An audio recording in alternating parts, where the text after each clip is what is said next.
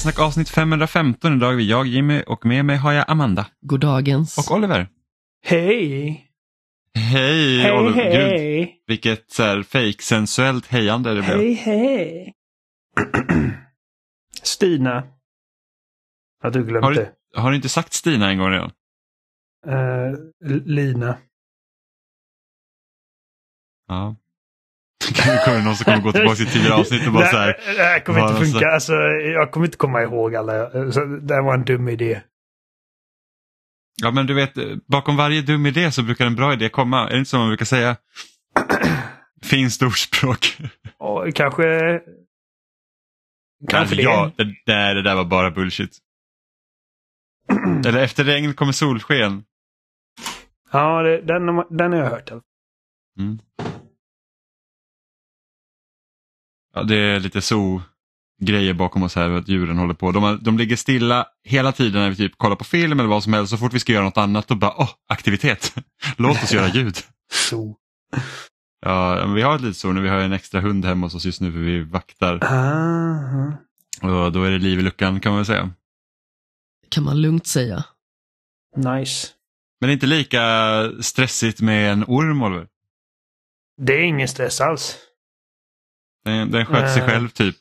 Förutom eh, häromdagen var första gången som Jenny höll honom och han typ pissade ner. Eh, ormars piss kommer ofta gärna ut i små så här, typ eh, klumpar. Eh, vilket är jävligt gött för underhåll. För när man liksom ska städa undan så är det bara att man plockar upp de här små kiss, vita kiss, typ nästan som graf, granitstenar nästan.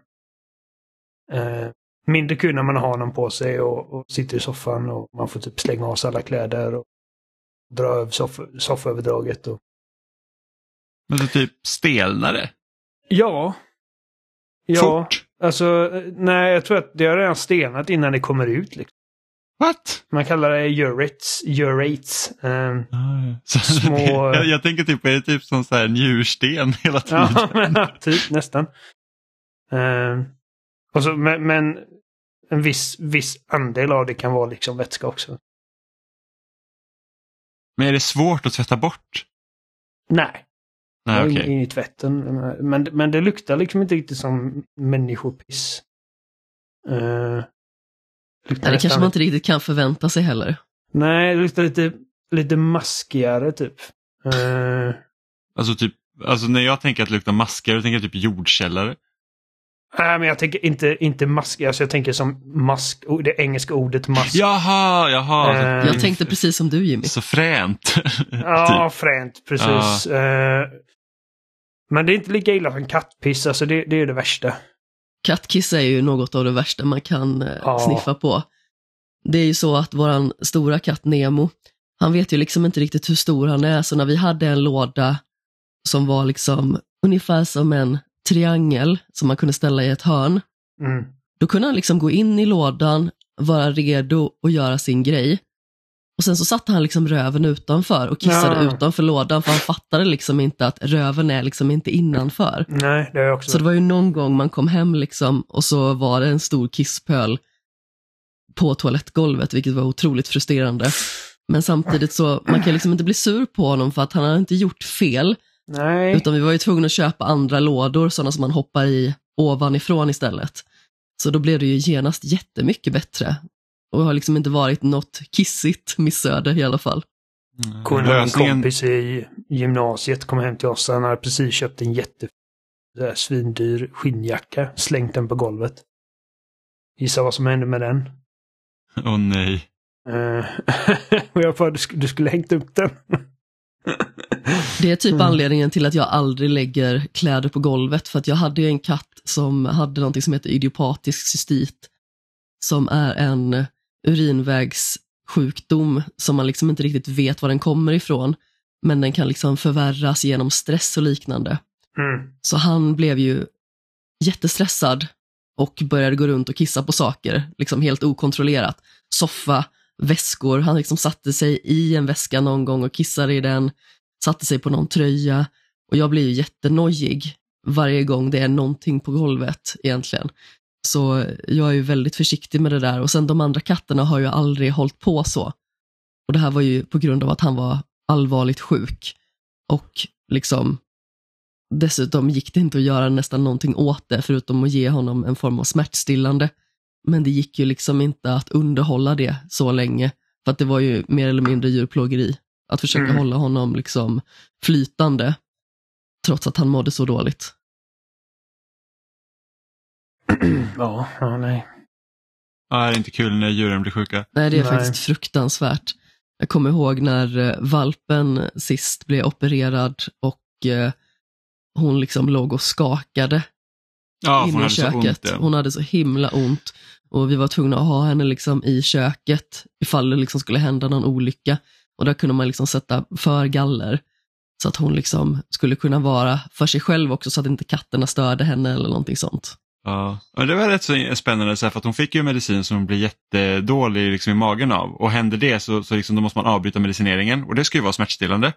Men då fick hon ingen annan medicin istället för det. Så då liksom så här, men var det nödvändigt från första början att ha den här medicinen om det ändå inte, liksom, om det ändå inte fanns någon ersättning? Så ja, det är lite märkligt. Mm. Men, men det vet ju de bäst. Eh, nej, nej men det, det, det är aldrig kul. Men eh, vi ska inte bara prata om det. Vi, vi, det här Tack och lov. Ja, precis. Nu har vi pratat nog om politik. Eh, nu blir det nu blir det annat. Eh, spelsnack som vi heter. Hej om du är ny som lyssnar. Eh, vi, eh, det händer ju massa grejer hela tiden i, i spel. Och, eh, Fuck den här... SD! Ja, precis. Eh, då se, senaste veckan så hade ju faktiskt Xbox sin, ja, nu kan man nästan kalla det årliga Developer Direct. De hade i alla fall en förra året och eh, de hade Mm. en i år också. Eh, och där fick vi ju se vad Machine Games har sys- pysslat med. Ja, Som är det nya Indiana, eller nya Indiana Jones, jo men det blir väl nya Indiana Jones-spelet. Ja, Eh, ja, det säga. som är Indiana Vad Jones. skulle det vara? ja men jag det tänkte så här, när, Indiana det finns ju, det finns ju Indiana Jones-spel, bara att jag tänkte inte på det så. Eh, Men vi fick ju veta vad deras Indiana Jones-projekt är i alla fall och det är ju Indiana Jones and the Great Circle som ska utspela sig mellan film, vad är det, två, tre? Alltså de säger mellan Raiders of the Lost Ark som är den första och... Ah, okej. eh, så det är mellan ettan och trean. Ett- Jag, det, jag, jag är lite osäker på var tvåan hamnar, om den är före ettan. Jaha okej, jag, så här, jag har ingen koll på Indiana Jones. Den enda jag, filmen jag har sett i den serien är nummer fyra. Åh gud, den absolut sämsta. ja, alltså, du, så- vad fan, du måste ju se Raiders of the Lost Ark och... Eh, alltså originaltrilogin. Temple of Doom är lite hit or miss. Men, men den första och den tre, tredje är min favorit. Den är fucking amazing. Jag var beredd på att se den senaste på bio endast på grund av att Phoebe Waller-Bridge är med. Ja, eh, hon var bra i den. Eh, filmen var sådär, hon var okej. Ja, jag har hört det också. Men som sagt, jag har inte så jättebra koll på Indiana Jones. Jag har liksom sett kanske lite grann sådär när det har gått på, jag antar att det är fyran eller femman. ja, ledmotivet kan man, TV1000 gick de säkert också på. Jag minns Alltså, inte om vi hade TV1000. släng igång originalet och trean. Jag, lov, alltså, jag garanterar er att ni kommer ha en good time. För att de, de Men- är odödliga. Jag, jag har ju planer att se Indiana Jones-filmen för det, är liksom, det känns som en sån här blind spot. Mm. Så här, att jag, jag liksom inte har sett någon av de filmerna för det är ändå kul med sådana matinéäventyr ändå. Ja. Ehm, så att jag har ju liksom ingen relation till Indiana Jones så. Bara de är bättre än Mumien. Mum, alltså första Mumien tycker jag ändå är bra. Första Mumin är kanon. Nej. Jo. Det, det, det, det är verkligen... Jag menar alltså, kolla, och det är inte Woman Talking såklart. Eller eh, Incendis eller någon av de här, eh, typ The Favourite, de här liksom dina favoritfilmer med typ gamla gummor och gubbar som pratar om eh, typ klänningar och, och sånt. Det är det ju inte. Men... Eh, men, alltså, kolla, det blir inte lika kul när du, när du inte liksom attackerar mig tillbaka för då känner jag mig dum för att jag attackerar din filmsmak. Min poäng är att eh, när det kommer till typ matiné action så alltså, det finns en anledning till att den första Mimi-filmen är så jävla älskad som den är. Går fortfarande på bio ibland. Eh, Fast jag tycker liksom inte heller att den var någorlunda spännande, än ens inte heller jätterolig. Vi såg ju den i fjol någon gång och jag har sett, precis som jag sa tidigare med Indiana Jones, liksom, att jag har sett kanske lite halvt sådär när det gått på tv någon gång, men aldrig liksom sett det i sin helhet. Och eh, jag var nästan glad att jag inte hade gjort det innan på något sätt. För då hade jag liksom inte behövt veta hur ointressant den var. Vad fan! Jag Ja, kommer det- bara ihåg, alltså jag kommer bara ihåg hur läskig man tyckte att Mumin var när man var liten. Du vet Imhotep och Ja, alla jävla typ- kackerlackorna, fy fan. Åtta år gammal. Men Ja, alltså, precis. och, det, och, det, och det är ju det. Jag, jag, jag kommer aldrig någonsin med säkerhet kunna säga att jag hade gillat den lika mycket om jag såg den idag som... Nej, men så är det ju. ehm, Det nostalgiska värdet har ju någonting. men Jenny såg den för första gången förra året och hon bara, "Ja, men den var fan helt okej. Ehm, och sen uppföljaren är ingen vidare. Han, den där Jenny alltså, henne kan man inte lita på. Nej. Men nej, Amanda shit. sitter hon bara det här är inget morden i midsommar liksom. Så. Morden Ja. i midsommar. Ja, men du, du, så här, du kollar jättemycket på så här kriminaldraman. Fast inte den typen. Nej, nej, men det var ett skämt kära du. Ganska dåligt skämt. Vi har sett, eh, vi har Det sett, sa ju ingenting. vi har sett, det- nej men du kollar på så här krim, liksom tv. Jo, men det gör jag. Ja. Men ofta kanske och- de är lite mer, Ja, Amanda älskar CSI Miami, alltså det är hennes favorit. vilket skitsnack.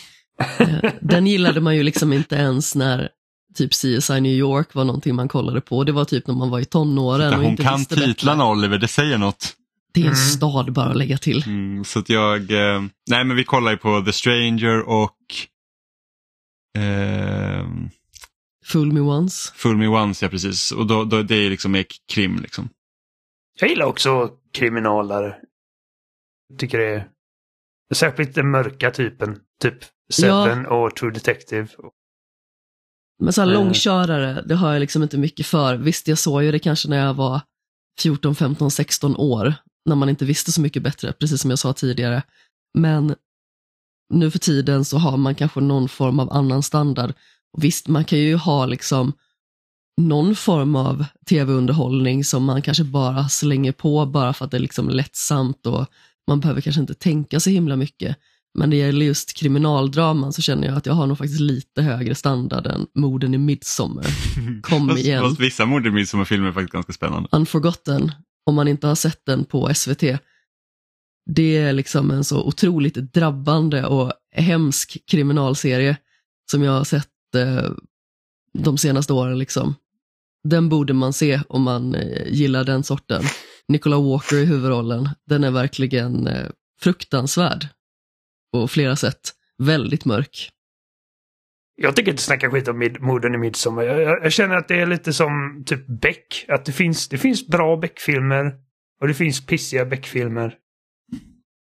Alltså jag ska Och- villigt erkänna att när jag var liten så gillade jag Beck. Jag tyckte ju de första 16 var riktigt bra. Men jag började kolla på sånt här ganska så tidigt. Jag vet liksom inte riktigt varför. Jag tror att jag började kolla det på Beck kanske när jag var någonstans 10. Ja, men så tidigt är väl inte det? Eller? Ja, fast det hände ganska så hemsk skit i Beck. Ja, fast i och för sig, mina föräldrar har inte haft några spärrar, så det är liksom, det är ganska, jag kan inte jämföra med mig själv. Jag tänker bara den här öga för öga när det är någon som eh, karvar ut ögonen på folk som han mördar. Eller han, jag kommer inte ihåg vem det var. Den enda Strunt som samma. eh, fastnar i mitt minne är Mannen utan ansikte. Också äckligt. Ja, men jag, jag gillar den. Jag Alltså, tror fan, aldrig jag sett en Beck-film i sin helhet. Jenny vis, Jennys föräldrar visade henne The Shining när hon var fem. Oj, Så att... ja, den är lite kämpig kanske. Eh, Ja. Det var en annan tid då. Äh, vad fan, alltså William sitter och kollar på och hejar på när jag mörsar folk i Last of Us 2 nu. Eh, jag, jag är jätteoansvarig när det kommer till liksom att exponera mitt barn för han är tre år gammal. Och han har sett en hel del jävla skit. Vi kollade Scream en natt tillsammans när han inte kunde sova. Det- Hjälpte det? Ja. Men han är inte så intresserad liksom. Det är mest jag som sitter och kollar och han bara oh, spöke. Alltså jag tror ju att det finns någon fin balansgång där någonstans. För att jag tror inte att om man liksom exponerar för mycket, kanske det inte är bra av vissa anledningar. Å andra sidan så exponerar man för lite, så blir det liksom extremt åt andra hållet. Så det gäller ju Ja. kanske ha det lite nyanserat och jag tror faktiskt inte att du liksom är oansvarig Oliver om jag ska vara helt ärlig. Jag tror att du överdriver eventuellt lite grann. Det finns, jag menar, det, det, det här är ju så jävla olika med förälder till förälder. Jenny, eller min, min svägerska och hennes man var liksom eh, så på julafton. Och så satt eh, min eh, svärfar och kollade på Die Hard, för det gör man ju såklart. Eh, och jag, Jenny och William kom dit först.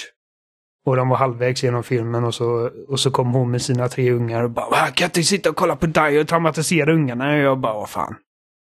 Lite k-pistar och grejer. Där... Men det är ju det är väldigt individuellt alltså vad, vad ett barn klarar av. Precis. Ja, precis. Eh, och, och, sen jag, så är det så att William kanske inte är i den punkten att han förstår tillräckligt mycket än för att tycka att det är läskigt. Exakt, och, och jag har jag har ju mina gränser. Alltså jag sätter ju inte på typ hostel.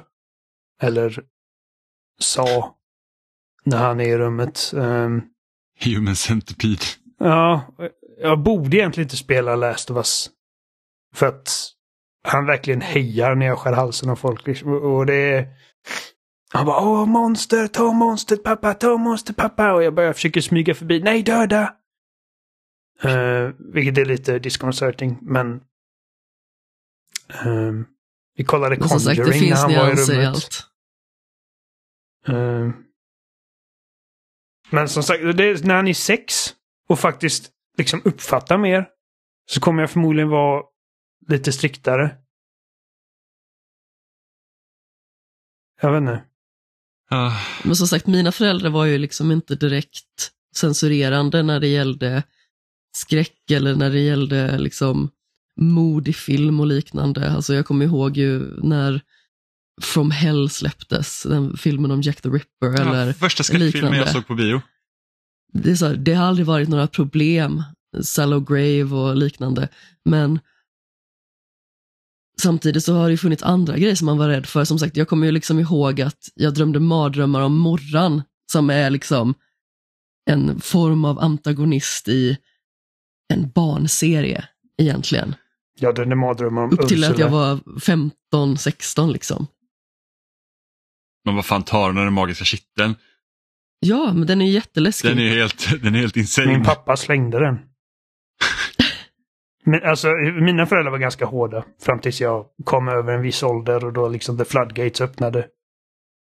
Ehm, och jag såg en jävla massa skit som jag inte borde eller som jag egentligen inte hade fått för mina föräldrar hemma hos kompisar och grejer.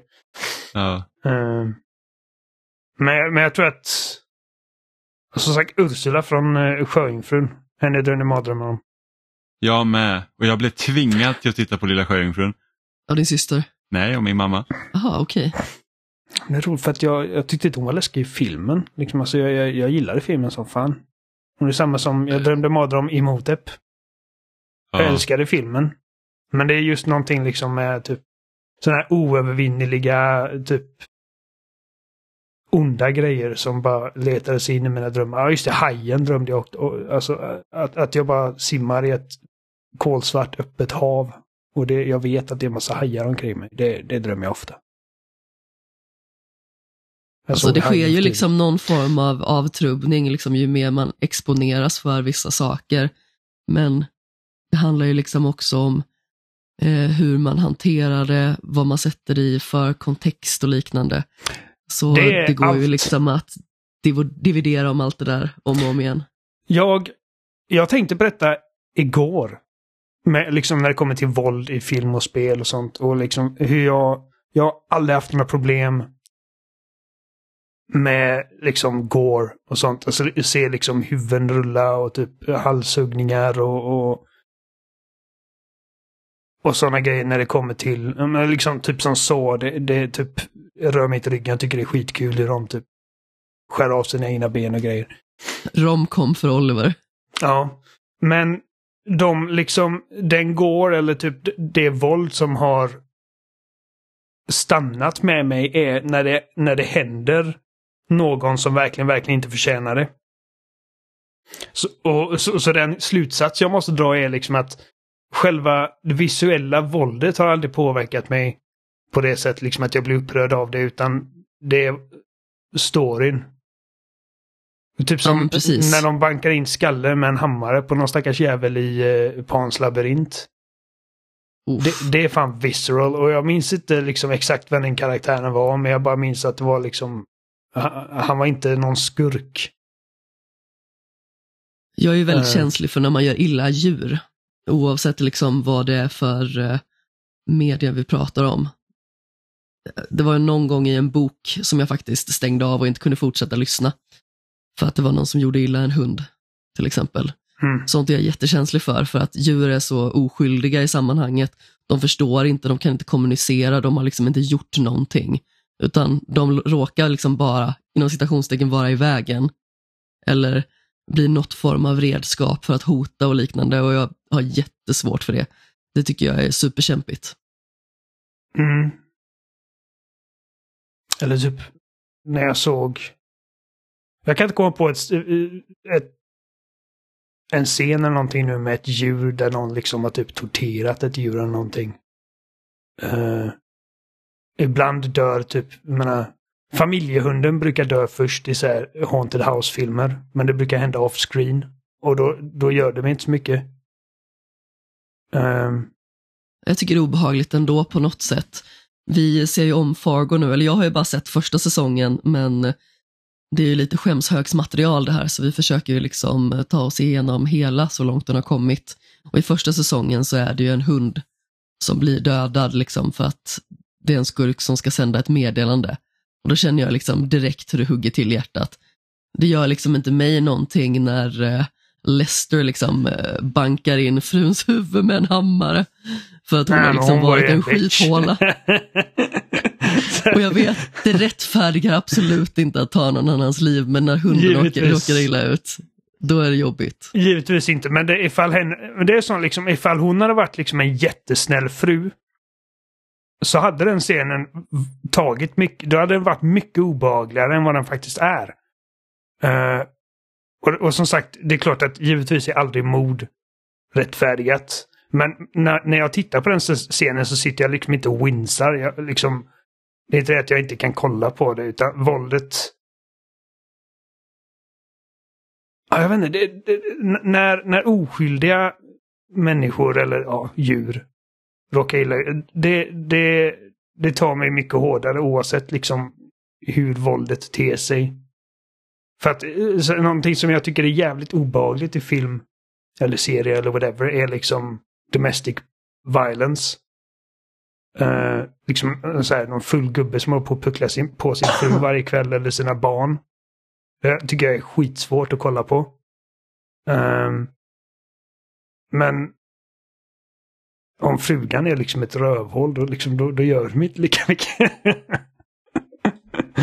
eller om, om eller liksom typ frugan som skjuter sin gubbe efter att han har varit liksom ett svin. Liksom det, det, som sagt. Det, ja.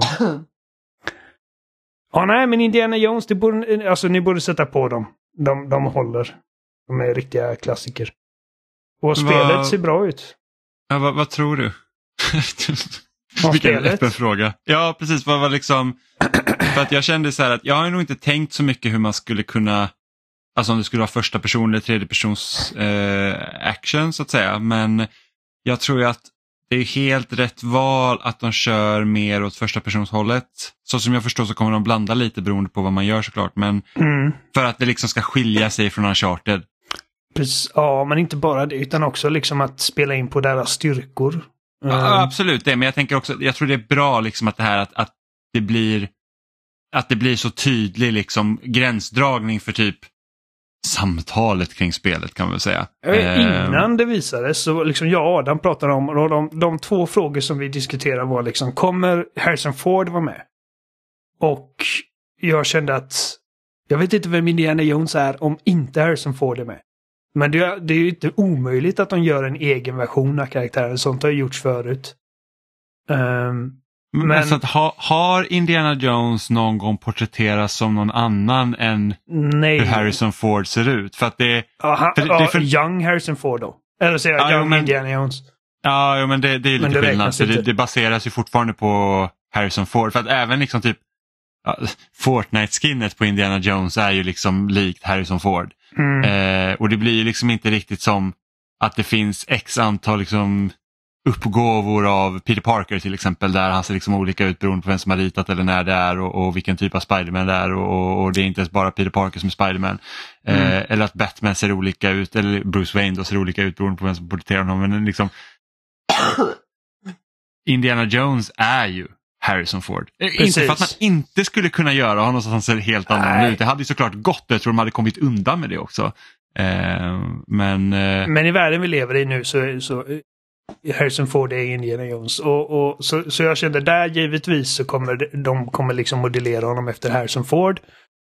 Um, och då kände jag också att ifall man ska ha Harrison Ford, varför skulle man inte ha det i tredje person? Så jag blev lite, inte förvånad, men jag bara, jaha, okej, okay, det, var, det är första person liksom. Och, och, jag känner att, inte det att jag blev besviken, utan bara för att liksom i, i, i mina liksom förutfattade meningar om eh, liksom de här besluten som tas under produktionen. Jag, jag tycker att det ser bra ut och som sagt, liksom, det är under vissa gånger... Ehm, jag en, kolla på eh, Chronicles of Riddick, Escape from Butcher Bay. Det var också liksom ett väldigt marketable, ansikte i Vin Diesel. Och det var också första person. Med tredje persons sektioner liksom. Uh. Och det är också liksom stora delar av teamet på Machine Games kommer från det teamet. Så att alltså det makes perfect sense. Um, uh. Men jag var inte ens säker först på att det skulle vara, alltså att det var Harrison Fords utseende. För jag kommer ihåg när man liksom, han, han skymtades förbi. Först jag var så här, är, alltså, är det en egen version eller är det Harrison Ford? Det var lite svårt att utgöra tycker jag först. Sen så blev det tydligt. Då. Uh, Troy Baker spelar karaktären. Mm. Uh, vilket jag, jag bara, fan det låter fan som Troy Baker. Uh, och han gör en ganska bra Harrison Ford impression. Liksom, för det måste man göra. För man har ansiktet så kan man inte liksom man behöver, behöver låta som Harrison Ford också. Och det, det är en sekvens i den senaste filmen där de har väldigt imponerande de-aging på honom. Liksom han, mm. han, han, ser ut, men särskilt i stillbild. Så ser det bara, alltså där, där är ung, ung Harrison Ford men det, man hör ändå liksom att det här är 80-åriga Harrison Ford liksom. uh, så... Uh, Ja, det makes sense att man har, även om man har ansiktet så att man har någon som är yngre, liksom göra en bra impression. Liksom. Um, mm. Och det, det, ser bra ut, jag tycker alltså... Äh, Machine Games, om det är någonting de kan så är det shoot, liksom första persons äventyr och att puckla på nazister. Vilket är liksom... Men alltså jag tänker på Frau Engel i deras Wolfenstein-spel. En av mina absoluta favoritspelskurkar. Bara för att hon är så jävla lätt att hata. Men hon har också den här karisman som typ en... Eh, eh kan man säga? Typ... Vad fan heter han i uh, Inglourious Bastards? Hans Landa. Liksom att hon själv varje scen hon är med i, så hon är bara kul att observera. Men hon är så jävla rutten liksom till sin kärna att man bara kan inte göra annat än att bara längta tills jag får begrava den hela yxan i ansiktet på henne. Och när man, när man väl får göra det så är det liksom som fruktansvärd jag bara tillfredsställelse. Jag bara åh din jävla nazisthora. Uh, så att de kan det där med, med karaktärisering och eh, liksom ett, ett spännande narrativ. Jag ångrar nästan att jag sa det ordet. Eh, din... Eh, man vet aldrig hur... Det kanske är typ en nioåring som lyssnar. Förlåt, jag, jag, jag sa ett fult ord. Vi kan ju alltid klippa om du vill. Vi har, vi har explicit-taggen på avsnittet också. Så att det... Ja, nej, nej, nej, behöver inte klippa, skitsamma. Men, men uh, jag tror att... Jag tror liksom så här att när det kommer till hur spelet liksom är strukturerat och så, så undrar jag, liksom, för att de har pratat lite om så att ja, men typ, det kommer finnas en hel del pussel, men mycket är också liksom typ valbart. Och då får jag liksom tankarna direkt till typ Tomb Raider, alltså de senaste Tomb Raider-spelen där det var typ så här att ja, men du har liksom actionsekvenserna och mm. sen så har du typ de här jag vet inte, kan man kalla dem kryptor?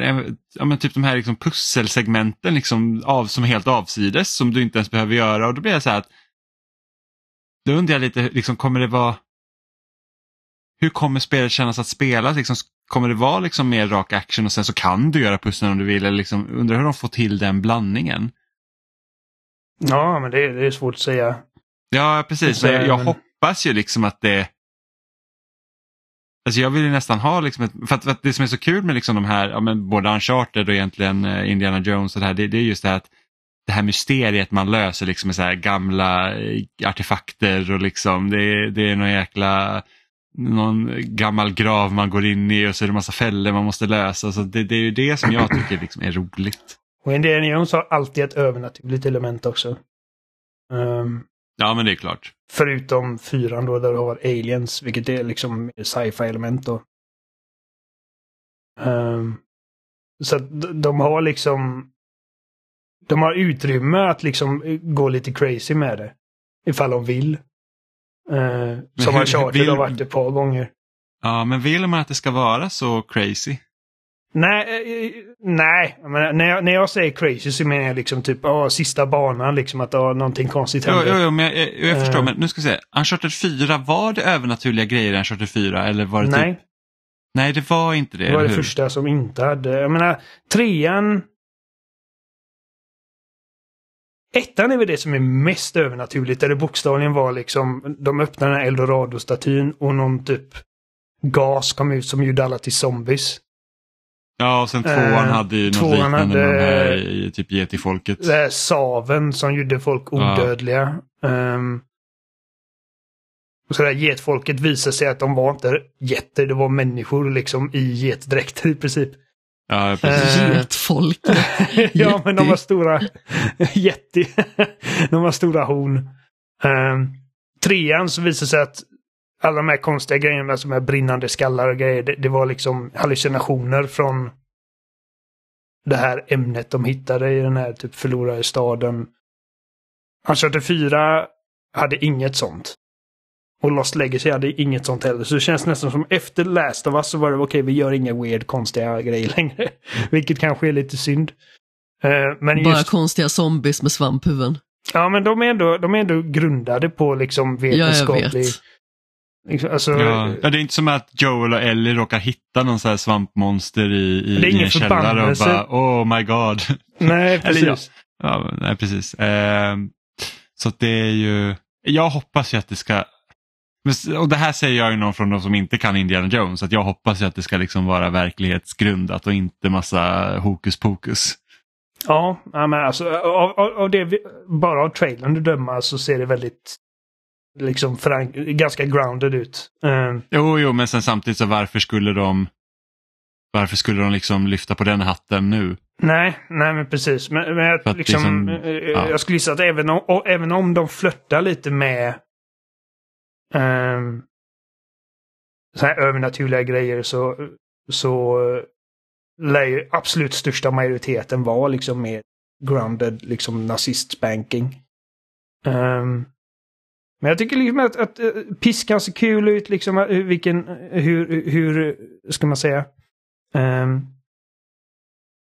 hur mångsidig den är. Att du kan använda den i combat, du kan använda den i stealth, du kan använda den i traversal, vilket är liksom det, det är som när man gör ett Spiderman-spel så det första som måste sitta är nätsvingandet och när man gör ett Indiana Jones-spel så det första som sitter måste vara piskan. Liksom. Det är typ hans ikoniska grej.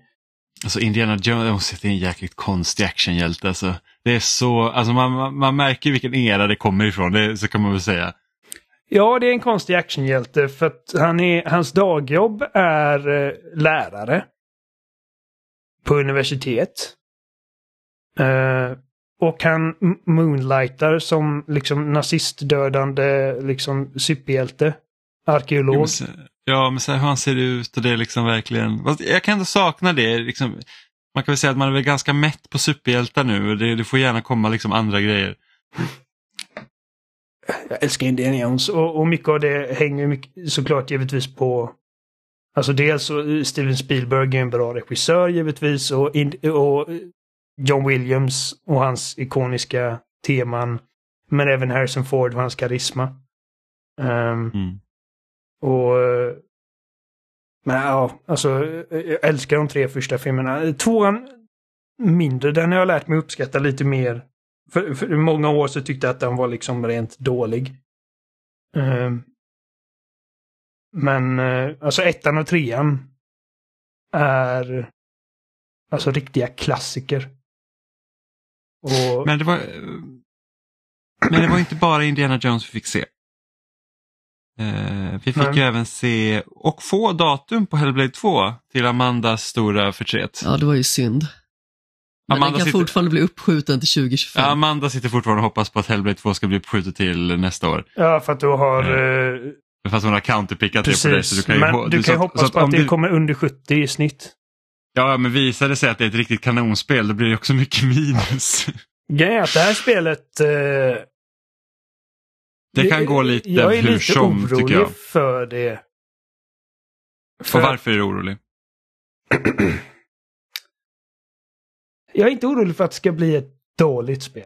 För det, det tror jag inte att det kommer bli. Eh, Ninja Theory är riktigt duktiga, men men jag tror att det är klart vid det här laget att det här spelet är inte vad jag hoppats på att det ska vara. Att det ska vara någon sorts, och jag har sagt det flera gånger, eh, Microsofts svar på God of War. Och inte för att det ska liksom spelas som God of War eller liksom vara exakt som God of War, men liksom det här stora eh, Du vill ha ett större äventyr. Ja, men, ja, precis. Stora, eh, så här, skyhöga produktionsvärden och liksom en gripande story med eh, liksom spännande combat och, eh, och alla de här grejerna. Och efter den här visningen så bekräftar de att dels så är det bara liksom digital only, 49 dollar och det är ungefär lika långt som det första spelet. Och då undrar jag, vad fan har tagit så jävla långt? Alltså det första spelet var ju liksom ett pyttespel. Uh, utvecklat med en väldigt uh, lågmäld budget av ett väldigt litet team. Och de har aldrig sagt att uppföljaren ska bli liksom den här typ massiva jävla superuppföljaren. Men det är lite det liksom man har förväntat sig nu när de har Microsoft i ryggen. Liksom att okej, okay, det här är vad vi kunde göra med typ 100 dollar i budget. och typ 10 pers. Och det här är vad vi kan Förhoppningsvis göra. har ju den tiden ägnats åt att eh, polera de otroligt tråkiga striderna som var i förra spelet. Ja, men... Men ifall det är fem timmar långt så behöver det inte liksom poleras så jävla Ja, mycket. fast fem timmar var ju inte det förra spelet. Jo, det var Eh. inte mycket längre. Alltså man kunde ju klara det på fem. Jag tror att det typ Jag tog tror- mig fem och en halv timme på Playstation 4. Det tog mellan fyra och fem för mig alltså. Högst. Ja, eh, och jag tror att det här ska vara något längre, alltså om man får tänka spelet. Men, men så här, och, och vi, vi klagar ju ofta på spel alldeles för långa så att det är liksom inte det. Att, att liksom speltiden egentligen är ett problem, bara det att du trodde att du skulle få ett annat spel Oliver. Jag trodde att jag skulle få ett massivt liksom, alltså Äh, Äventyr. äventyr. Ja. Eh, med, med väldigt, som inte bara är för att de, de hade, det var två beståndsdelar i princip i det första spelet. Alltså om vi ska vara riktigt krassa nu liksom. Jag, jag vill inte liksom dumma ner det till, till någonting som är, låter simplare än vad det är för att jag tycker att det är ett jävligt bra spel. Men i mångt och mycket så är det pussellösningen och det är combaten. Combaten var väldigt basic. Det var liksom ganska snyggt animerat men det fanns inget djup i det. Eh, det, det, det, jag, alltså, personligen tyckte jag att det var så pass tråkigt att jag tycker att det borde inte ha varit där. typ. Jag Eh. tyckte att striderna var, var fruktansvärda. Värdelösa. Eh, ja, jag hatar De dem tillför ju inte. verkligen inget. Jag, jag, jag tycker liksom att det... Det... Det var som ett avbrott till det liksom annars väldigt monotona pussellösandet. För Fast det var ju striderna som var monotona. men de hade, Det de hände ju hade, absolut ingenting där. Ja. Nej, jag kommer inte ihåg. Eh, Vad var det? Typ fyra fighter eller någonting i hela spelet? Kanske fem? Nej, fler vill jag nog tro att det var, men det var verkligen riktigt segt. Det var mer eller mindre typ blocka, blocka, slå. Blocka, blocka, slå. Det var så himla ointressant och segt och tråkigt. Så det liknar verkligen inte någonting annat. Men, men det man kan hoppas på egentligen med, liksom om man nu tänker att, det är så att, för att egentligen, är- alltså hade det här varit 15 år sedan så hade ett åtta timmars liksom single play-kampanj standard. Det är liksom inget snack om saken, liksom, det, det var så långa spel var på den tiden. Eh, och, och, och sett från det perspektivet så är det egentligen inget konstigt. Eh, och då hoppas man ju då kanske att det finns liksom mer variation under de här åtta timmarna. Då. Liksom, vad är det de har gjort då? Då kanske det är med, alltså, ännu liksom bättre miljöer och du kanske liksom i de här miljöerna så kanske du också har liksom mer liksom annat att göra än att bara liksom slå. Det kanske är mer eh, liksom djupare pussel eller vad som helst. Så att, Ja, för även pusslen vara... var liksom att de hade, okej okay, du ska liksom linea upp den här, du ska hitta symboler i omgivningen. Mm.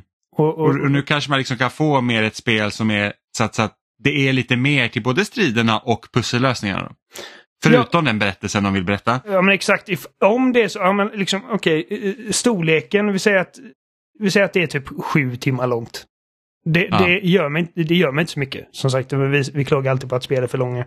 Ja, det är skönt att vi kan spela något annat i maj Aha. och juni. uh, min grej är att ifall de inte har satt ribban högre för sig själva eller om de hade gjort det så känns det som att det hade framgått tydligare i det vi sett av spelet hittills. För det, det vi har sett av spelet är mellansekvenser. Uh, vi har sett lite combat. Som inte liksom visar på så jävla mycket liksom utveckling. Annat än att det är mycket snyggare nu. Och scener där hon bara går. Liksom. Mm. Vad, vad, är det spelet? Vad kommer jag göra i spelet? Mm. Och så finns ju också risken att det är för likt det första. Ja. Vilket blir liksom så att, okej okay, men så här, man har redan liksom lite upplevt det. Liksom, vad, vad, vad är det liksom som, vad är det här spelet liksom nyhet om man säger så. Eh... Jag tror att, jag menar, just liksom narrativet kommer vara kanon tror jag. Eh, för att det var ju liksom det absolut bästa med det första spelet var liksom att bara fem minuter in i det spelet så kändes det som att du själv hade psykos. För att det var liksom flera olika röster, liksom eh, en röst i höger öra, en annan röst i vänster öra och de liksom motsa varandra och det var bara så jävla unnerving alla upplevelse och liksom jag antar liksom alltså en, ändå en hyfsat representation av hur det är att vara liksom sjuk på det sättet. Mm. Uh, jag undrar om de kommer göra mer med det och att det påverkar uh, gameplayet. Ja. För, det hade, för att visst, det påverkar det första spelet också men de kanske har gjort ännu mer av det och då blir det liksom en helt annan upplevelse också. Mm. Så, att, så att jag är sjukt nyfiken på hur, hur de har satt ihop det här. Men det känns ju det känns ju lite lustigt att det ska liksom vara Microsofts nästa stortitel och sen så, är, så behandlas det ändå som liksom det här lite mindre nästan obskyra. Ja, men det är liksom, de slår liksom inte riktigt på stora trumman för det också. Och det kan ju vara för att sätta liksom förväntningar eller vad som helst. Men det, de har ändå visat det här spelet under så många år. Och Ninja det, Theory, det, det är lite lustigt. Alltså de är inte liksom främmande för de här större liksom påkostade spelen. Om man kollar på liksom typ DMC och Enslaved och Heavenly Sword. Ingen av dem är liksom 10 timmar, liksom, eller 12, 15, 16 timmar långa. Men liksom bara sett till liksom the scope och så, så har de ju varit väldigt stora spel. Mm. Um, och Enslaved kändes ju som ett riktigt liksom, äventyr ja, att ta sig igenom. Och det var ju inte så långt.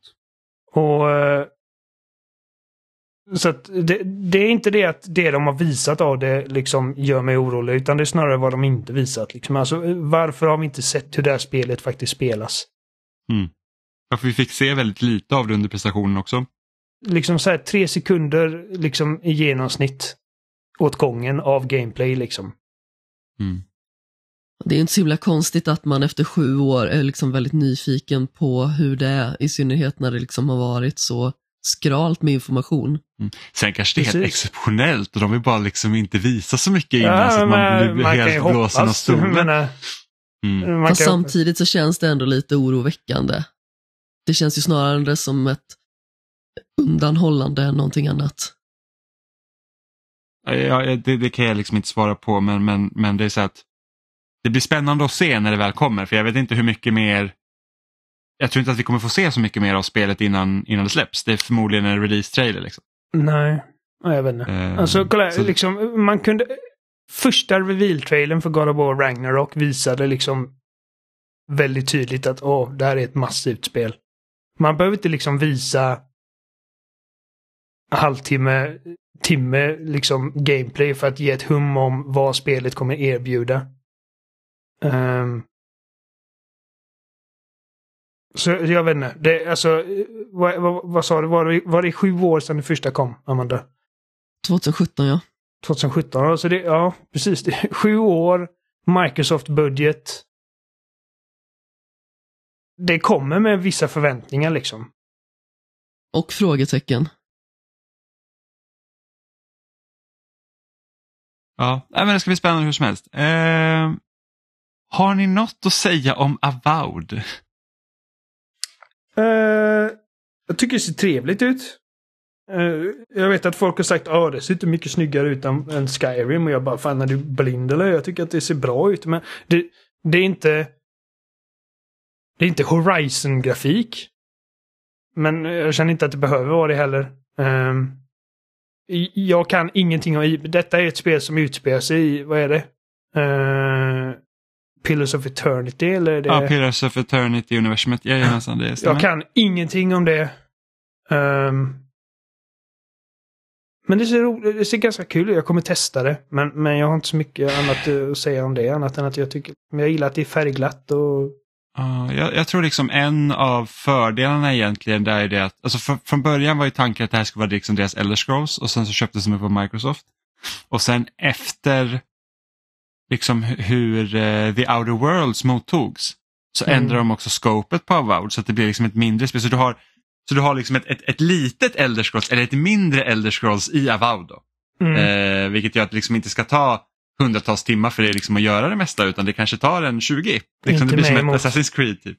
Nej, precis. Och, det, och, och, och, jag kommer ihåg när jag fick höra liksom att det här skulle liksom inte vara deras Elder Scrolls, så man så här, ah, så här, jag hade gärna velat se vad de gjorde så här, liksom en så här stor liksom, grej. Men samtidigt så att, vad fan.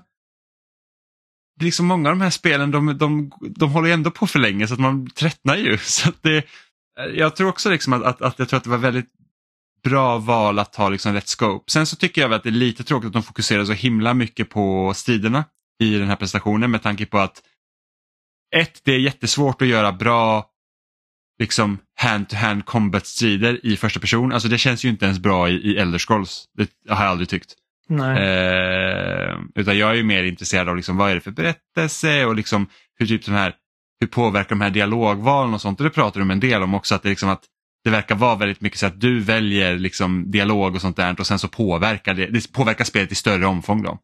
Eh, och då tänker jag att det är också lättare att göra någonting sånt på mindre skala än att blåsa upp det alldeles för stort. För att något mm. som jag tycker är så himla tråkigt med typ Elder Scrolls och det var väl även lite så i Starfield att du gör massa saker och sen så det, det påverkar egentligen ingenting. Liksom att fan det här jävla inbördeskriget i, i, i Skyrim som man löste liksom och sen 50 timmar senare då bara, jag tror att eh, jag ska rösta på Ulrik och man bara, Ulrik är fucking död.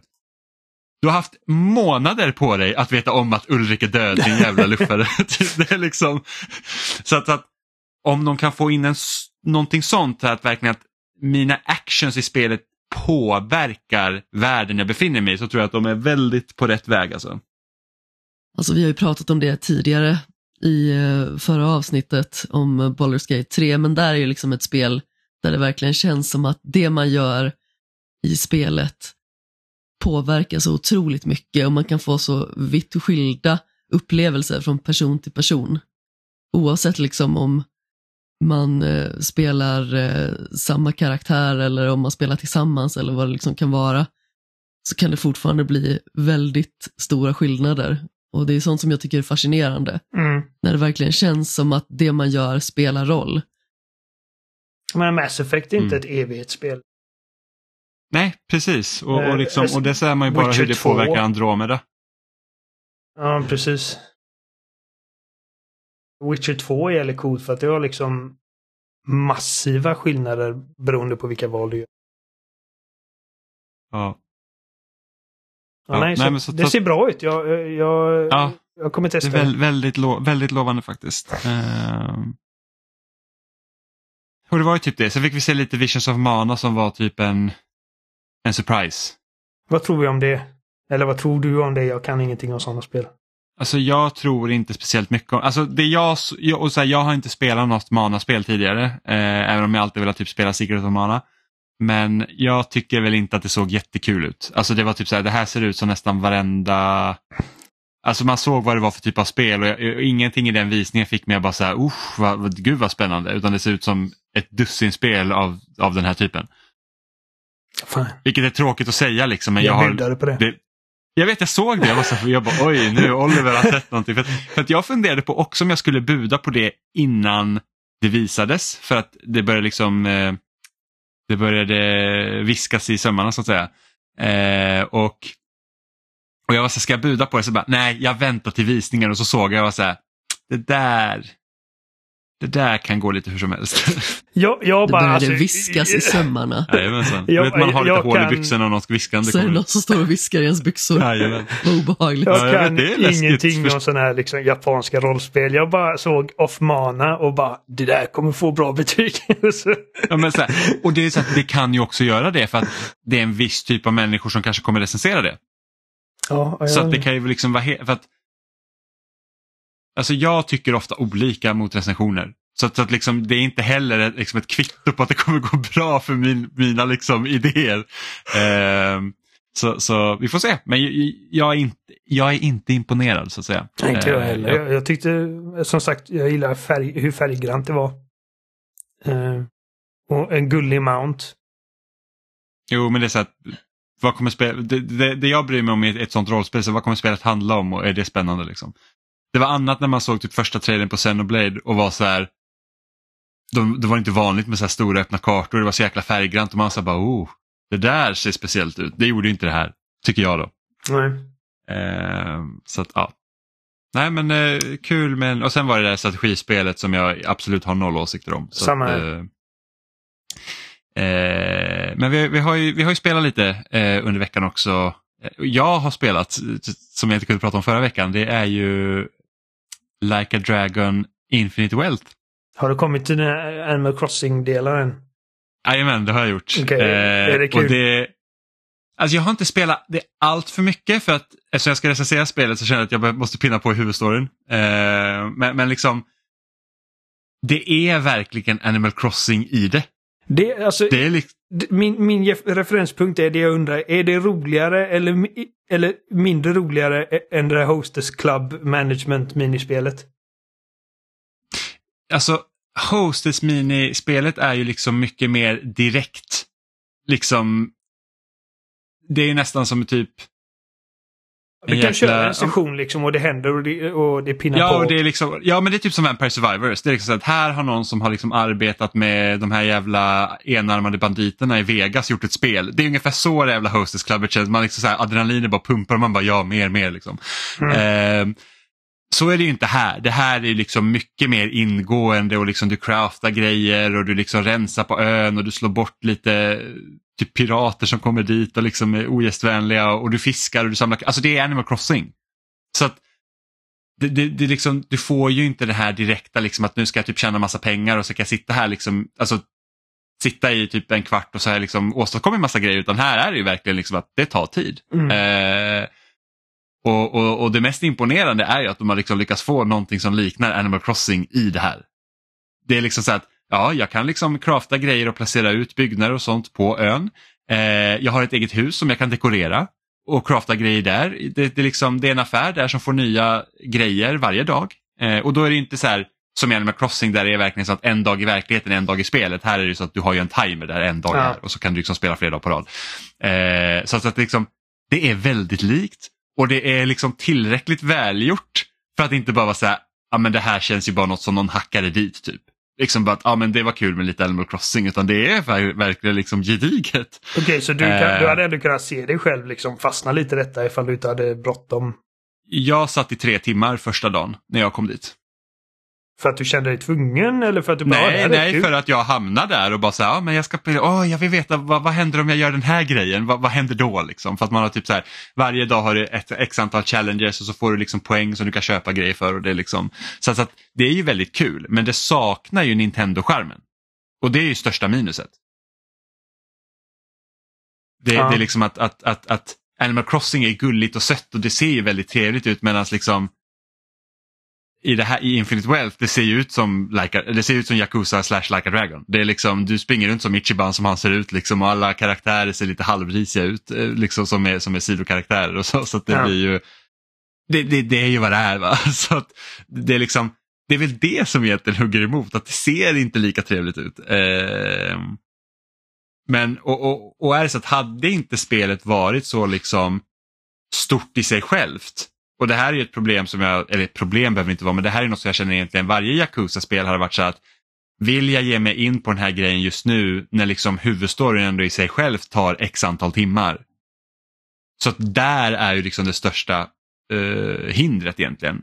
Eh, men sen kan man ju gå tillbaka efter man har klarat spelet och liksom köra det då, men då är det så här att ja, men, det hjälper ju en ändå att tjäna pengar och sånt så att man kan använda tills man kommer till slutet. Och så att det, det är lite så här ge och ta egentligen. Eh, min andra fråga det- är... Eller eh, avbröt jag dig nu? ja, nej, nej, fråga. Eh, hur, hur är det med striderna i spelet? Är det att Ichiban har turbaserat och Kiryu har sina vanliga beat'em-ups? Nej, allt är turordningsbaserat. Ah. Eh, och jag vet inte varför, jag hade fått för mig att eh, Kiryu skulle liksom, att han skulle liksom kunna slåss som vanligt. Och han har en specialattack där han kan göra det en kort stund. Eh, så att, så att eh, han, när han är ah, en bit in i spelet då får han som han håller in R2 och då går han liksom, då går han liksom haywire och så kan man liksom styra honom som, som man gör i de vanliga spelen typ. I en kort stund. Eh, men annars är det turordningsbaserat helt och hållet. Man är lite mer, man är inte lika statisk i det här som man var i förra spelet utan nu är det så att när du liksom kontrollerar ett party så har du liksom en ring som du kan liksom röra dig i så att din positionering blir väldigt viktig innan du väljer vilken attack du ska göra. Då. Eh, så att det är lite mer dynamiskt på det sättet och sen så kan man ju försöka då, då får man försöka placera sig själv efter fienden och efter hur de resten av lagmedlemmarna på för att då kan man liksom bli som en, en snöbollseffekt nästan så att du jag kan liksom sparka in en fiende i en av mina teamkamrater som då gör en extra attack för att göra mer skada. Då. Eh, Så man har lite fler valmöjligheter där vilket är rätt så kul. Mm. Men det, det är ändå bra. Jag vet inte om jag tycker om det mer än vad jag gjorde i sjuan. För sjuan vinner ju mycket på att det, är så här, det här är helt nytt för serien. Eh, och hur bra de lyckades liksom översätta hela Brawler-konceptet till ett turordningsbaserat rollspel. Vilket var superimponerande att det funkade så bra. Eh, och just det här att Yakuza-spelen har ju ofta varit väldigt närbesläktade med rollspel eftersom det finns liksom sidoaktiviteter och, och, och minispel och liksom sidouppdrag och all, allt möjligt. Liksom. Eh, så, att, så att det passar egentligen som handen i handsken. Men det är svårt att göra det en gång till och där kommer vi då till problemet att eftersom det är då ett rollspel så är det också mycket mer uppblåst spelet. Det är ju liksom, för att de andra Yakuza-spelen, även om de är långa, du kan ju ändå kötta på i huvudstoryn. Du behöver ju inte göra någonting runt omkring. Eh, och det kan man inte riktigt göra här för att då kommer du vara underlevlad. Och då blir det svårt. Och väldigt svårt dessutom. Så att, så att det, det kommer liksom till punkter i berättelsen där det tar stopp för att nu är du för klen. Och då måste du hitta andra sätt att liksom levla. Eller för att kunna köpa gear och liknande. Och det kan vara lite jobbigt. Eh, speciellt när man ska recensera det och ha lite bråttom.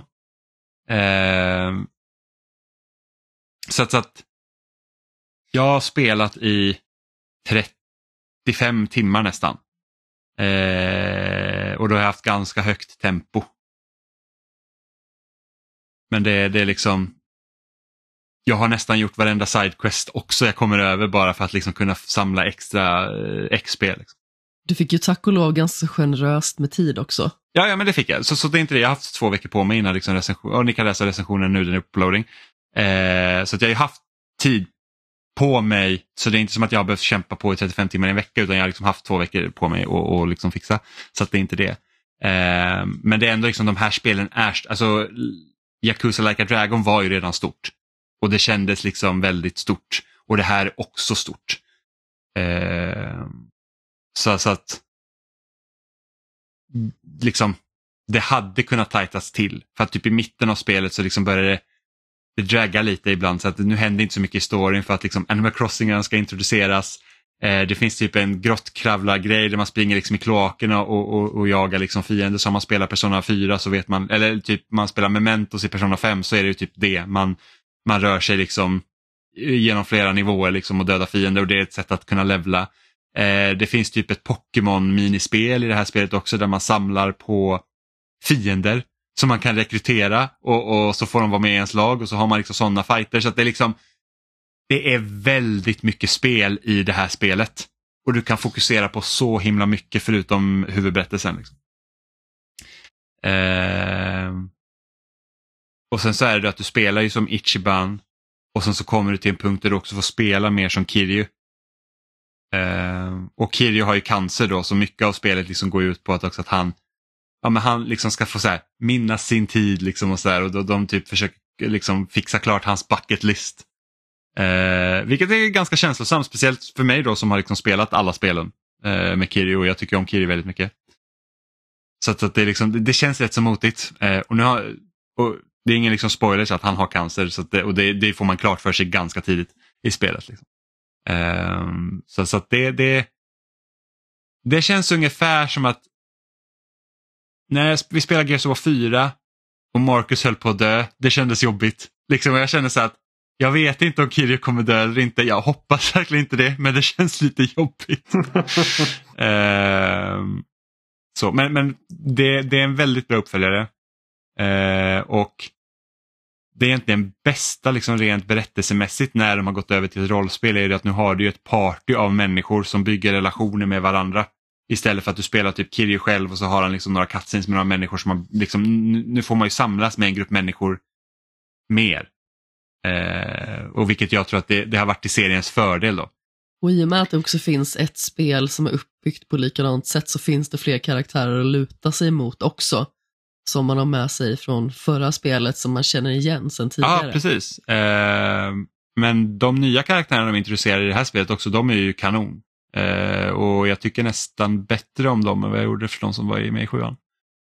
Och då tyckte man ändå om dem väldigt mycket. Ja, absolut. Så de är väldigt, men, men de nya karaktärerna är väldigt bra. Eh, sen så är det här första gången som serien har gått utanför Japan, så nu är man i Hawaii till stor del. Och det är med blandat resultat ska jag säga. För att det är liksom, för jag tänkte hur ska de lösa det här för att alla, de kan inte ha att alla pratar engelska hela tiden. Eh, det kommer bli jättekonstigt om man kör med japanskt tal. Och det är en ganska stor population i Hawaii som eh, är japaner. Jag antar att det är liksom en del också varför man har placerat där, det känns ganska logiskt. Men det finns gånger då man träffar på en karaktär som då är uppvuxen på Hawaii och ska då vara engelsktalande i grunden. Och så har vi en japansk röstskådespelare som pratar väldigt dålig engelska och då är det svårt att hålla masken för att det är liksom så här att jag förstår knappt vad du säger. så att det är typ någon så här, ja men typ en, eh, en person man träffar ganska tidigt i spelet, han, han håller typ en, ja men typ en, som en religiös grupp liksom på Hawaii. Eh, gammal vit snubbe liksom. Och han pratar ju väldigt knackig engelska men perfekt japanska. Så då blir det också en massa, ah, Okej, okay. och typ en av de första karaktärerna man möter, han heter Tomisawa och han är en taxichaufför, uppvuxen på Hawaii. Prat, alltså när han sa sina första meningar på engelska, jag sa ska det där vara engelska? Och jag förstår ju att det är svårt liksom så att man har dubbat, liksom, eller man har liksom kört röstskådespelare i, i eh, Japan och så ska de, liksom, man tänker det här är tillräckligt bra engelska men det, med tanke på hur mycket engelsk media vi konsumerar så blir det väldigt så här, ja det där, det, det, det, det, blir inte så bra. Men det händer inte så ofta. Eh, sen har de ju också liksom, man hör ju också de gånger som, för att vissa karaktärer de har en japansk skådespelare och sen hör man tydligt att de har en engelsktalande röstskådespelare också. Man bara, det där är inte samma röst men det är samma person som pratar. Eh, och de engelska röstskådespelarna är ju inte jättebra va. Alltså det, det, man måste säga, det där lät som någon har läst upp från ett papper. Det är väldigt skitnödigt. Ja, typ. Men, mm, så, så att det liksom, man säga, ah, ja, det, det får gå typ. Eh, men en av de roligaste sakerna det är typ för att fienderna snackar ju liksom ibland med en. Så att, så att ibland när man möter en grupp med fiender så bara oh, I'm gonna sue! man bara okej. Okay. Det är rätt så roligt faktiskt. Eh, Standard amerikan. Ja, men precis. Eh, men men så här, det, det, är ett jättebra spel.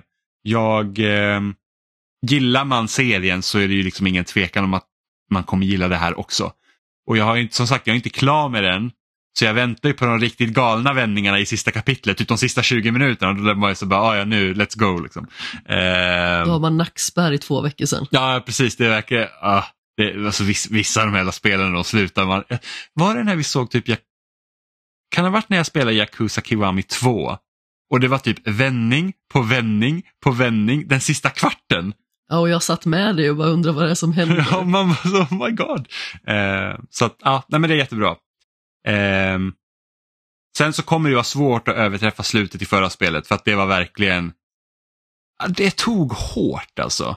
Och där tycker jag att de har lyckats bättre med liksom Ishibans karaktärisering än till exempel Kirio. För Kirio är väldigt så här att stenansikte, han visar inte så mycket känslor även om så här i, i, i, i det här senaste spelet då, som kom i höstas, där, där fick han ju faktiskt ett väldigt bra avslut.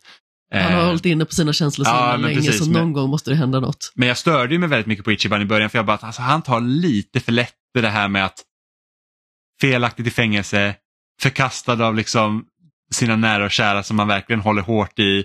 Han kommer tillbaka, blir skjuten av liksom hans faders figur och man bara Borde inte du tycka att det är lite jobbigt i alla fall? Alltså, så jag tyckte det var lite jobbigt att han liksom inte riktigt visade det.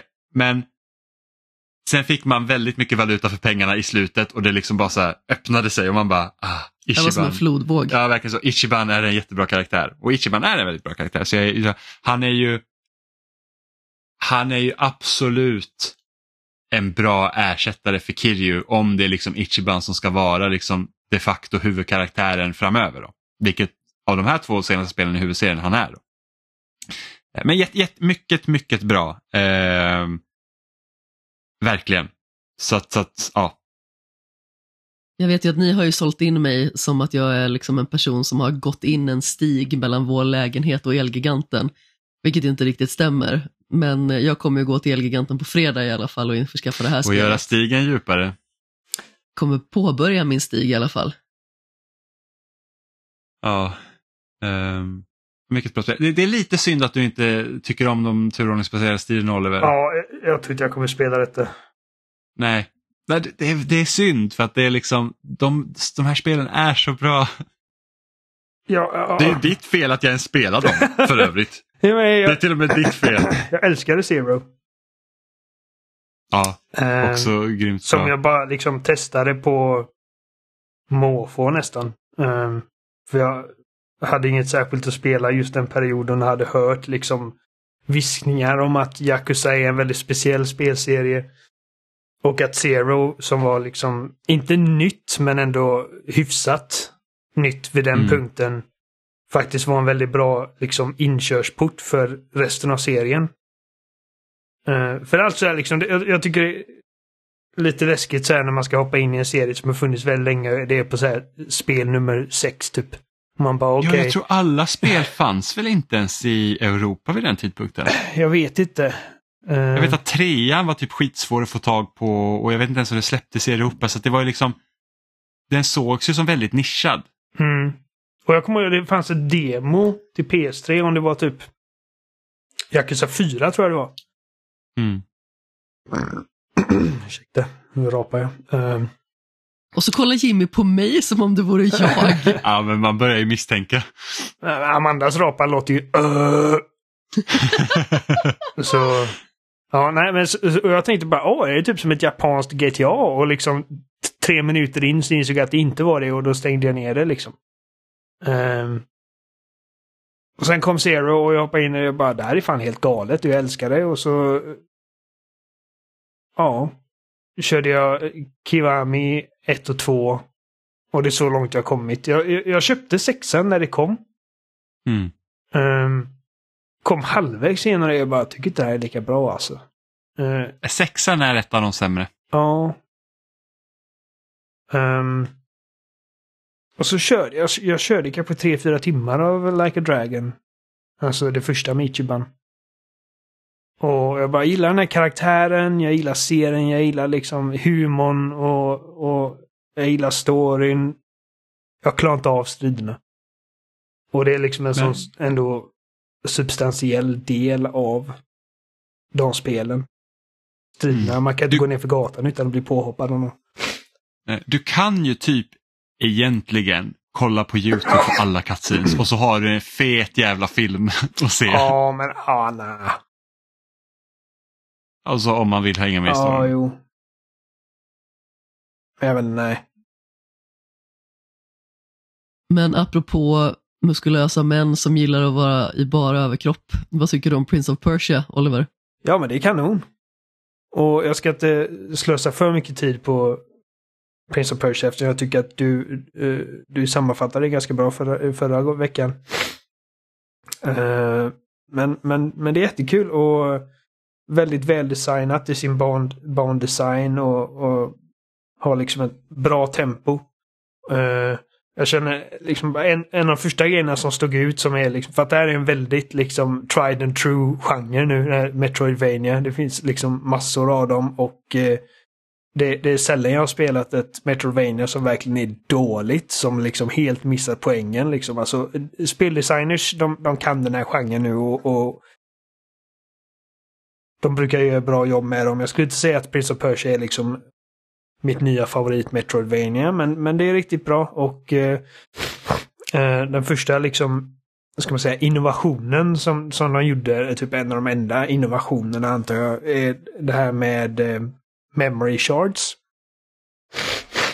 Eh, att du håller inne, om du har kommit till ställe och, och det är ett föremål som du inte kan plocka upp ännu för att du inte har dina abilities, eller om det är liksom ett pussel som du bara, jag tror att jag saknar någonting som gör att jag inte kan göra detta just nu. Kan du hålla ner, hålla ner på D-paden?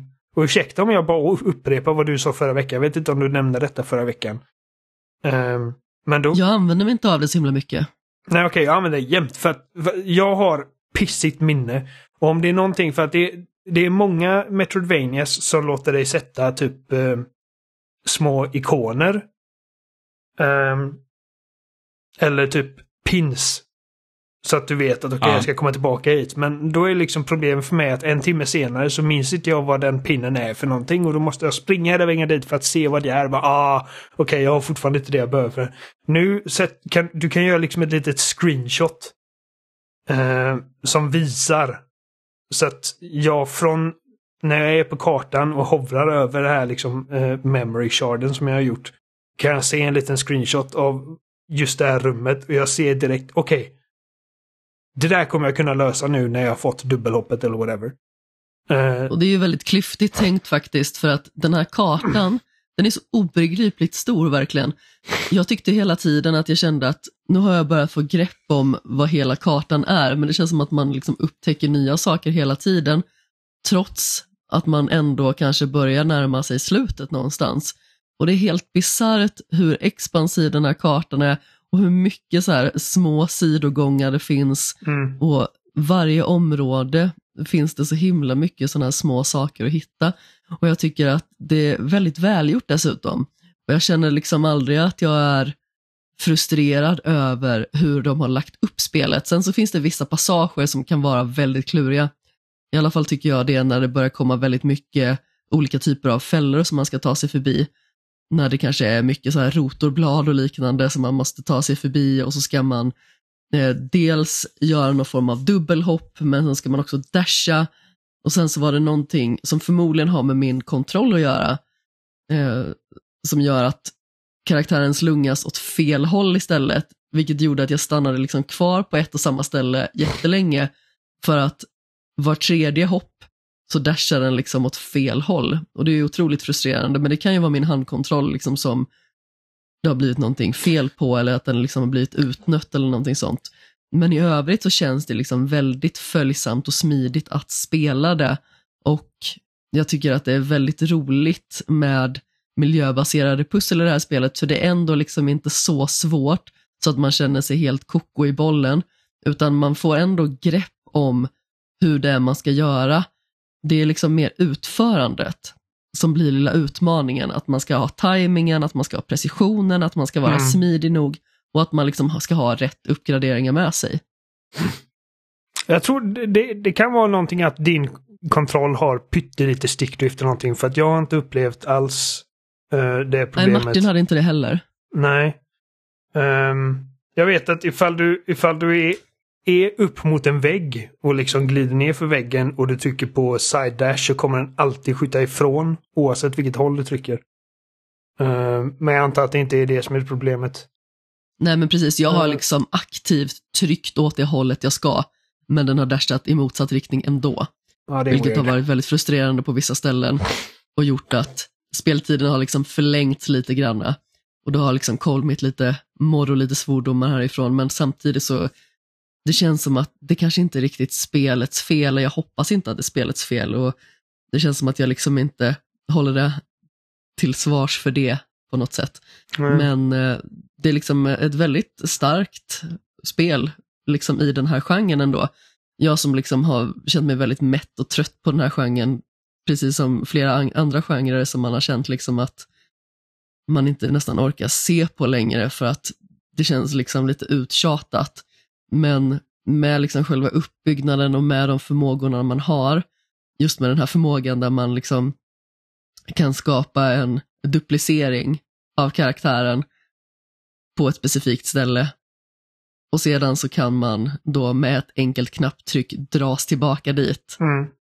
Man känner sig så himla häftig och jag tycker att man liksom känner sig smart när man använder den. Även att det här är liksom en funktion som är vital för att klara spelet. Men jag tycker att man liksom känner att, oh, nu var jag fyndig. Ja, men det, är- det, det, det, det är det som är bra speldesign, liksom att de sätter i de här situationerna och leder dig till att känna de här grejerna. Um, jag upplever spelet som väldigt tight och, och, och det kontrolleras väldigt bra. Um, jag tycker att storyn är sådär, men eh, jag, är inte så jätteförtjust i någon av karaktärerna. Inte för att jag ogillar någon av dem, men för att jag har liksom inte fått utrymme att verkligen förälska, förälska mig i någon, någon av dem. Um, och jag tycker att det är inte ett särskilt snyggt spel.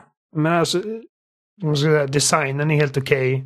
men jag, jag har svårt att inte önska att det såg mer ut som typ någonting gjort i, vad är, vad är det de kallar det, UB Engine eller UB Art Engine? UB Art-grejen som de kör med. Precis. Ja, för att Ehm, det har jag känt också för att jag har ju spelat jag spelade ju först Laika i december som är ju väldigt fint. Och sen spelade jag Blasphemous 2 vilket är liksom helt sjuk pixel art. mm. Och så ser man uh, Prince of Persia man bara uh. Ja, Det ser väldigt basic Alltså, ut. Mm. Jag tycker att när man springer runt i miljöerna så ser det rätt så tjusigt ut. Eller liksom, Miljöerna är, de, det är de är bra inte på vad dåliga. det gör. Ja.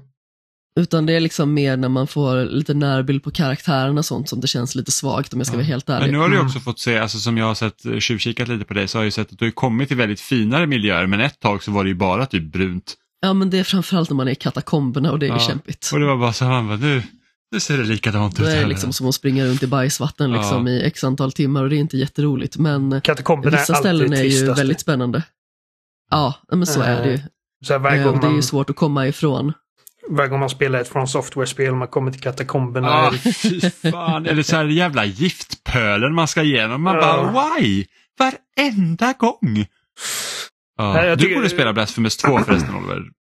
Ja, jag, jag, jag har kikat på det.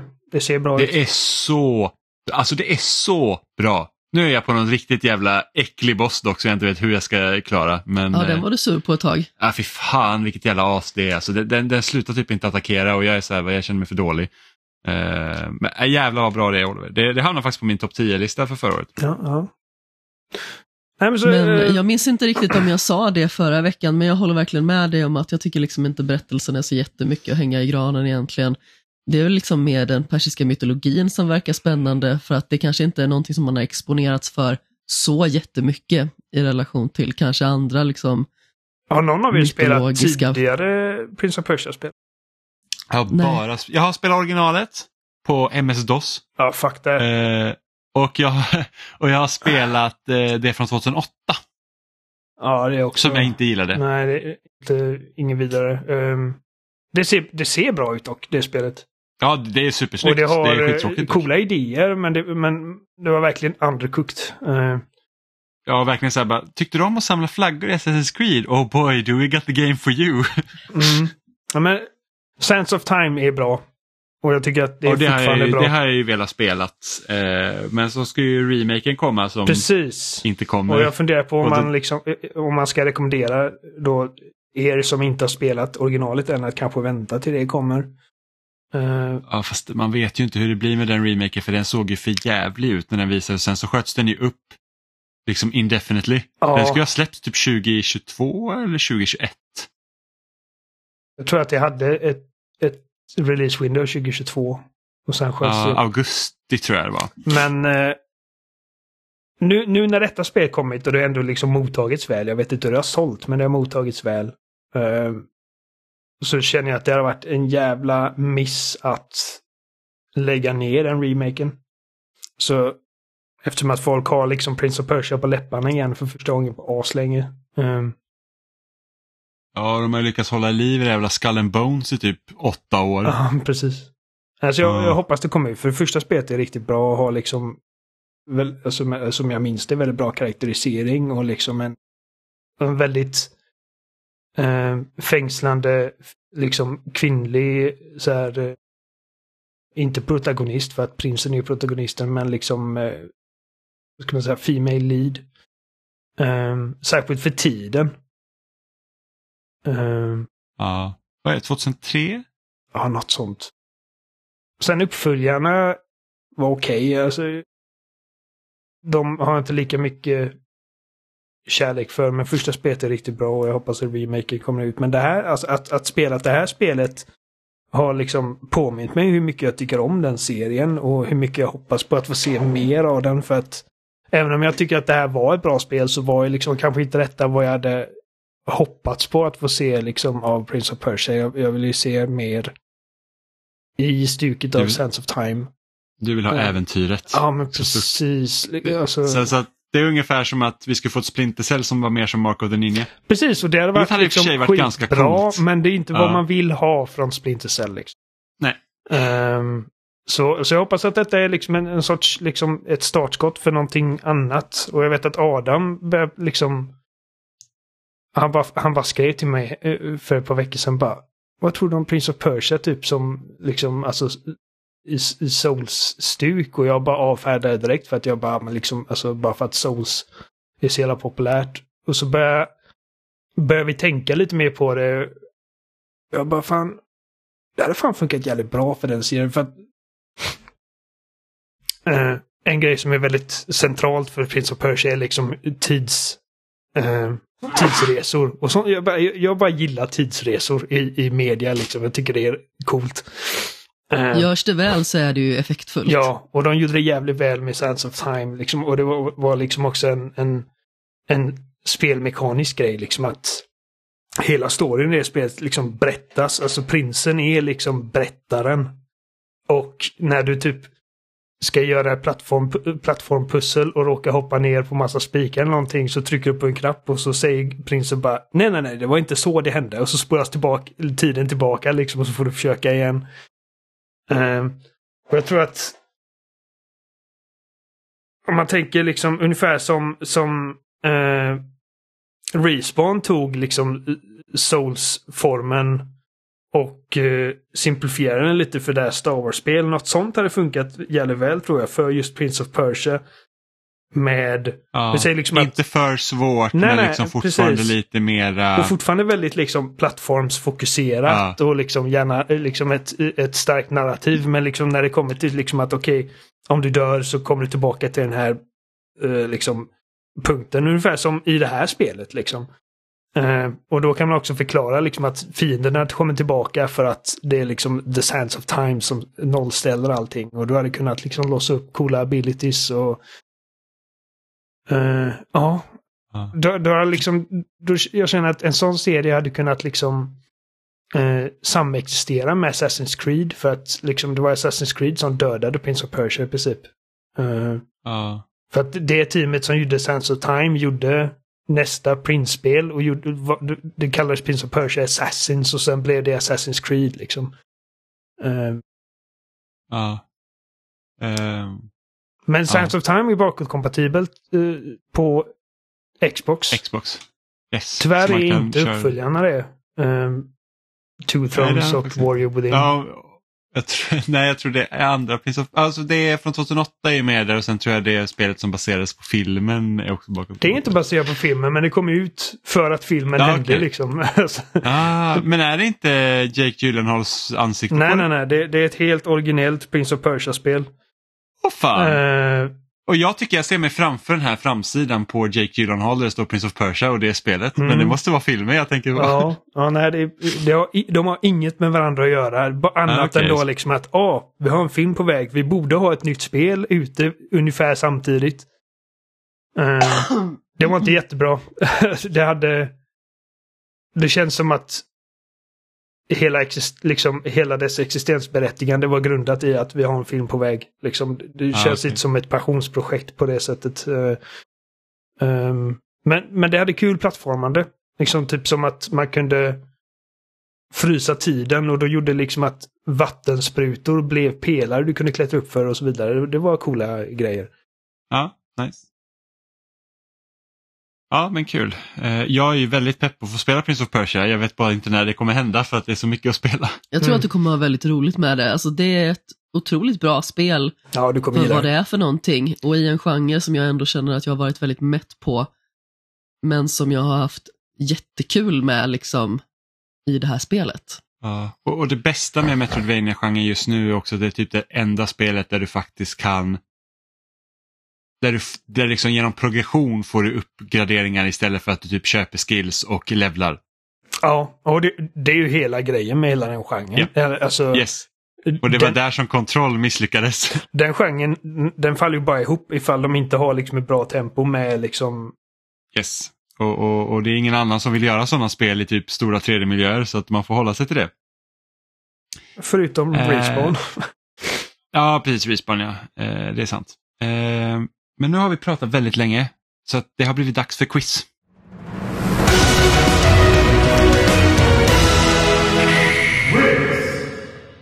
Det är jag som har gjort frågan den här veckan och eh, för er som har missat då, vi började med quiz förra hösten. Eh, nytt för i år är att vi kör tre frågor istället för fem och vi har flersvarsalternativ istället för att man ska liksom eh, kunna klura ut eh, frågan själv. Då. Eh, och jag börjar med första frågan. Mm. Det här är den obligatoriska Pokémon-frågan. Ja. Efter, efter Pokémon Scarlet och Violet finns det totalt över tusen monster i Pokémon-världen. Men i vilket spel kan man hitta monster nummer 500? Är det A. Pokémon Diamond eller Pearl? B. Pokémon Black and White? Eller C. Pokémon XY? Jag gissar A.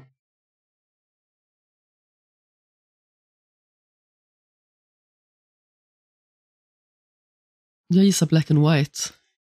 Rätt svar är B. Black and White. Ah, fuck me. Eh, vet ni vilken Pokémon som var nummer 500? Ja, det vet jag. Är det någon riktig fuling? Ja, vad var det Oliver? Nej, jag... Fan ska jag veta det? det, det är den tredje utvecklingen på eldstarten. Som heter Emboar. Okej. Jävla Eh, Pokémon alltså. Nej, men det är viktigt att Väx hålla upp Jimmy. Aldrig. Och så kommer, så kommer nästa Pokémon och kommer sitta och klaga på att det inte är spelet jag vill ha.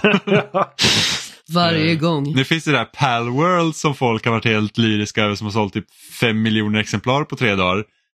Vilket är, vilket jag hade varit jättesugen på att spela om det inte var ett survival-spel. Eh, fråga nummer två. I Like a Dragon Infinite Wealth får vi inte bara följa den nya protagonisten Ichiban utan även långköraren Kiryu som gör sin återkomst. Kiryu som har varit med ända sedan seriens början eh, har ju varit med om en hel del helt enkelt. Men hur gammal ska han vara i Infinite Wealth som utspelar sig under 2023? A. Är han 60 år? B. Är han 49 år? Eller C. Är han 55 år? Jag gissar på C, 55 år. Det var, det var min reaktion också. Eller, men, men bara för att få en chans att komma ikapp Amanda här nu så tänker jag välja någon av de andra två. Det var s- 60 eller 49. Yes.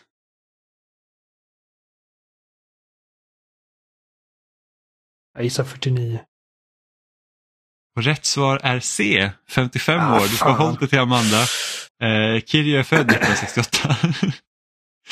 Alltså grejen är att jag vet ju att han i alla fall är äldre än Ichiban. Och Ichiban var ju typ 41 år i början av den sekvensen, liksom när han har kommit ut ur fängelset. Mm. Och nu har det liksom gått ytterligare tre år. Ja, Han ser fan ehm, inte ut att vara 55 med sin jävla Han ser väldigt bra ut för sin ålder. Alltså. One Direction-frilla. Man kan säga så här, antingen har, ser han inte ut som 55 eller så har han alltid sett ut som 55. Ah, han har inte alltid sett ut. Vilken 55-åring ser ut som han? Jo, men han har ju sett typ likadan ut sen spel 1 nästan. Ja, ja men Han precis. ser något yngre ut i, i Zero. Det, Ehm, jag gillar inte hans frisyrer senast alltså. Nej, den är inte vacker. Det är alltså ingen Eh. självrespekterande 55-åring har en sån frisyr. Då blir man fan utskrattad alltså. Men eh, jag tänkte först ta en fråga, så här, hur många spel har Kiri varit med i? Men det var fan svårt att hitta liksom, information. Det var typ så, han har gjort en cameo i Super Monkey Ball Banana Mania. och jag bara så här, okej det får... Ja, det blir för Det, kämpigt. det, det, det fanns liksom ingen, jag kan inte liksom ha källa typ Fandom Wiki som inte listar allt. Liksom, så det, det fick gå. Fråga nummer tre. Det var i slutet av 90-talet som spelföretag började använda termen AAA för att beskriva sina spel. Men vart kommer termen ifrån? Är det A. Kreditindustrins obligationsbetyg? B. Filmindustrins blockbuster? Eller C. Finansvärldens aktiemarknad? Eh, Jag gissar på C. Min chef har väldigt starka åsikter. Oj. Ehm, Jag kan säga att min gissning är verkligen vad det är, en gissning. ja, och jag gissar på ett. För jag tror inte det har någonting med film att göra. Eh, och rätt svar är A. Kreditindustrins obligationsbetyg. Mm. Eh, AAA-obligationer har, har den säkraste möjligheten att nå sina fin- finansiella mål. Så det är därifrån den kommer då. Ja, det är ju logiskt. Jag tänkte också på Big Short-filmen när Ryan Gosling st- står och slår ner alla block med AAA, AA, A. Som handlar Väldigt om... bra film för övrigt. Ja. Ja, Jag försökte också så här kolla så här, för att, för att jag tänkte att det kunde vara liksom kul för att det är en term som man ofta slänger sig med men det är inte så många som vet vart den kommer ifrån. Eh, och sen så hittade jag typ på Wikipedia, bara, ah, första AAA-spelet var Final Fantasy 7 och så var det en artikel som var liksom citerad från den och så läste jag den artikeln och jag bara, det här är inte alls vad den här artikeln säger. så att, för jag hade också sagt min fråga, vilka liksom ses som det första AAA-spelet då? Och det skulle varit Final Fantasy 7. Men jag kan inte verifiera att det stämmer helt och hållet så det fick bli så här istället. Och det är, Eh, alltså, men- det är någonting som min chef klagar ofta på för att folk snack, liksom använder AAA på ett sätt som det inte var liksom tänkt. Att typ, typ som quadruple A är någonting som folk har börjat använda nu. För att AAA räcker inte. Och eh, han menar att varje bokstav i det här är liksom en, ska man säga, en värdering av en aspekt av produktion och kostnad. Mm. Så ett sämre spel hade varit BBB. Eller ABC eller ABA. Inte Ja. dubbel A eller quadruple A. Nej, men, och det här är ju spelutgivarnas egna dumheter. Precis. Eh, och jag tror att det liksom termen mer och mer populariserades liksom i mitten av 2000-talet och framåt.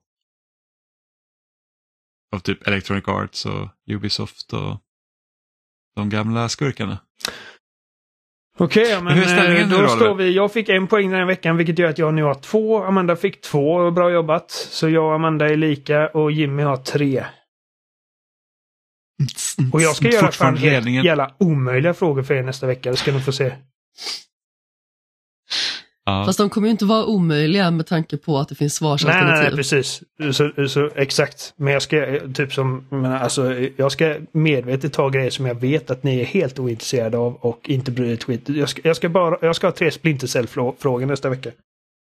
Ja. Nästa gång blir det anime i spel eh, special Precis. för min del. Då. Typ Dragon Mm. Ball och sånt. Ja, fast ännu mer obskyrt. Fist of the North Star och eh, Jojo's Bizarre Adventure har en gemensam nämnare. Vilken då? Sen är det min tur, det är det fiskespecial. ja, precis. Ja. Hur många fiskar finns det i Stardew Valley? Hur många fiskar finns det i Fishing Pro 99? eller vad det heter? Och hur många fiskar finns det i Dredge? Ja, precis. Jag tror att det är 151 för övrigt. Ja, kanske det. är. Som en Pokémon.